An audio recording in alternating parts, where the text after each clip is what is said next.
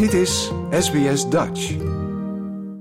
Nou, je zou het nu niet zeggen, maar toen we aankwamen was het heel zonnig. Dus het was in, in Nederland is het, ja, vriest het soms nu s'nachts. Dus het was meteen, ach, lekker. Zomer. We zijn in de zomer terechtgekomen. Dat was heel fijn. Het viel me ook op dat uh, de mensen heel erg vriendelijk zijn.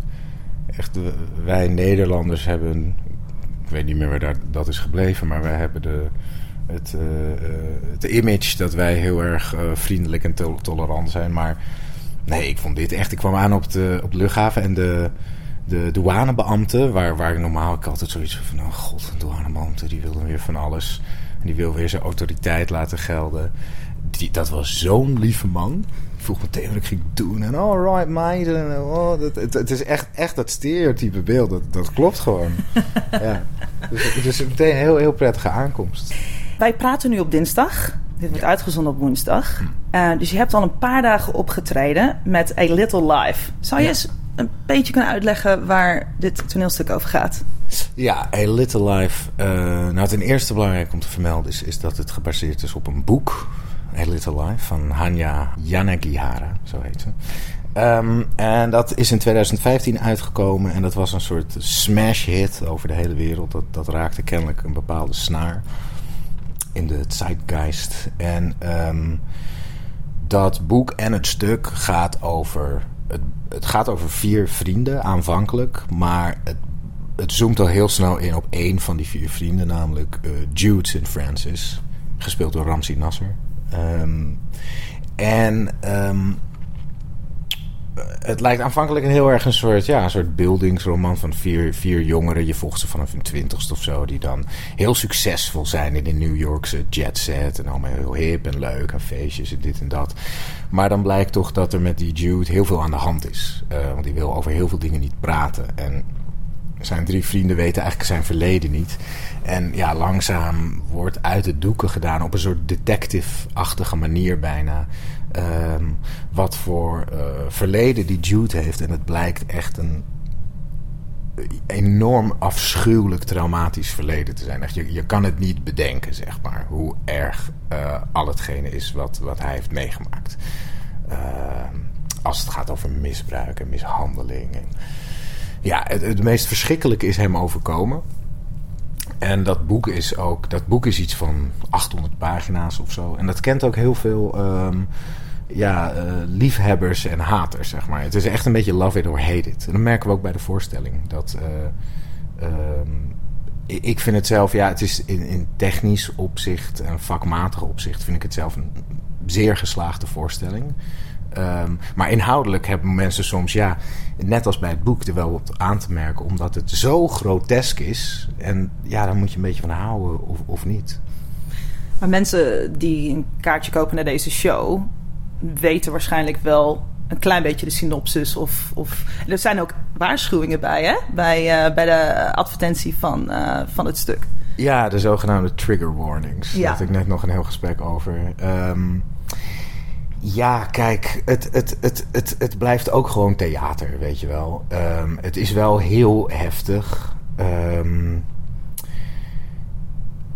maar ja, ik bedoel, god, we zijn zoveel gewend tegenwoordig. En, en het is ook bovenal gewoon een heel mooi verhaal over vriendschap. Ook dat, dat, dat sluimert er ook heel erg doorheen. En het is in technisch opzicht gewoon heel goed gedaan. Uh, Ramsey Nasser, de hoofdrol die Jude speelt, dat, alleen al zien hoe hij dat speelt, is, is, is vind ik, uh, prijs van het kaartje waard. En dan heb je aan de andere kant Hans Kesting, die drie verschillende rollen zo meesterlijk speelt. En um, dat is elke avond gewoon weer spannend. En, en ik zit er naar te kijken. En ja, um, ik, ik denk niet, kijk, mensen kennen zichzelf natuurlijk goed. Als je heel gevoelig bent en snel aanstoot aan erg, ergens aan neemt, dan is dit misschien niet voor jou. Mm. Maar um, ik zou het ook jammer vinden als mensen zich door die zogenaamde trigger warnings laten afschrikken om erheen te gaan. Ja. Het is goed om soms je grenzen een klein beetje te verleggen of om je bloot te stellen aan Zeker. onderwerpen die mogelijk je iets ongemakkelijk kunnen doen laten voelen. Absoluut, absoluut. En dat vind ik ook het probleem met dat soort trigger warnings. Omdat je, uh, ik bedoel, het hele leven is één grote trigger warning. Als, als baby kan je helemaal niks. Uh, kijk je naar een de kleur paars vind je die eng. En dan ga je huilen. En dan ontdek je, oh, weet je wel. Dus als je de hele tijd in je comfortzone blijft, dan eh, stel jezelf niet bloot aan de kans om je leven rijker te maken. En natuurlijk weet ik veel, als jij een groot verleden hebt met misbruik en je ziet dan bij die warning staan misbruik, nou dan is het voor jou misschien goed om niet te gaan. Aan de andere kant denk ik ook, dat is ook de manier om uh, dingen. Kunst is uitermate geschikt om dingen te verwerken en dingen om eigenlijk je gebruikt een simulatie om dingen voor jezelf in perspectief te zetten. Um, iets, kan, iets wat heel verschrikkelijk voelt, kan ook heel helend zijn. Ja. Um, ja. Dus ik vind dat het, ja, ik vind het, uh, ja, dat, dat is voor iedereen persoonlijk. Nu is jullie publiek voornamelijk Australisch, maar jullie ja. spelen in het Nederlands. Hoe, hoe werkt dat precies? Um, nou, net als bij een film eigenlijk. Het is gewoon uh, in plaats van ondertiteling nu boventiteling. Dat is boven het podium. Alhoewel ik eigenlijk vind dat we het ook ondertiteling moeten doen. Um, gewoon boven en onder. Dat waar je ook zit, dat je het goed ziet. Maar, maar ja, de, de voorstelling speelt gewoon met, met, uh, met boventiteling. Dus dat zijn, laat maar zeggen, gewoon schermen die er boven hangen. En daar, gaat, daar, daar staat het in het Engels boventiteld. Ja, exact, exact. En er zit, uh, zit zo'n mannetje aan de kant. Die zit zo mee te drukken. Want wij wij spelen natuurlijk elke avond live. En het is, het is altijd qua timing weer net iets anders. Dus dat, dat is niet dat het meeloopt als een band. Er zit echt iemand zo klik, klik, klik. Elke zin mee te doen. En uh, soms maken we het die persoon lastig. Als je, soms draai je wel eens een zinnetje om. Of vergeet je een tekstje of zo. En dan moet, moet hij zo uh, snel doorklikken naar de volgende tekst. Ja. Um, ja, vroeger speelde uh, ITA, wat, het, het, heet pas sinds een paar jaar ITA. Dat was vroeger, Waar staat ITA voor tegenwoordig? Uh, Internationaal Theater Amsterdam. Want dat is het inmiddels dus, hè? Uh, ja, maar toen ook al. Toen was het toneelgroep Amsterdam. Toen speelden ze ook al in het buitenland. Um, en wat wil ik nou zeggen? Nou ja, dus het, het, het, het, is in het Nederlands. Uh, oh, ja. Engelse boventiteling. Oh, ja, ja, dat wil Is het, denk je, de, uh, wat is de feedback die je krijgt van het Engelstalige publiek? Is het makkelijk voor ze te volgen of hoe beleven ze een, een, een toneelstuk dat wordt gesproken in een andere taal? Ja, om eerlijk te zeggen weet ik dat eigenlijk niet. Omdat het enige... Ik heb een paar recensies gelezen... en ik vind recensies nooit zo uh, representatief... voor wat de gemiddelde bezoeker vindt.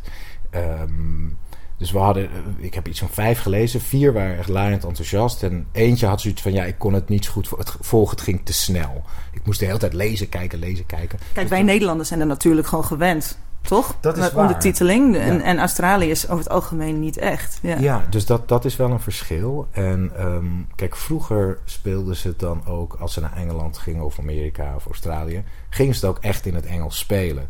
Maar dat is gewoon, als je zoveel toert het is ten eerste niet te doen qua instuderingstijd.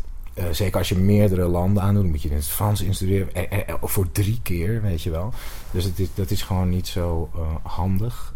Um, en bovendien wordt het ook nooit zo goed als je het in een andere taal doet. Want toneel is, is taal.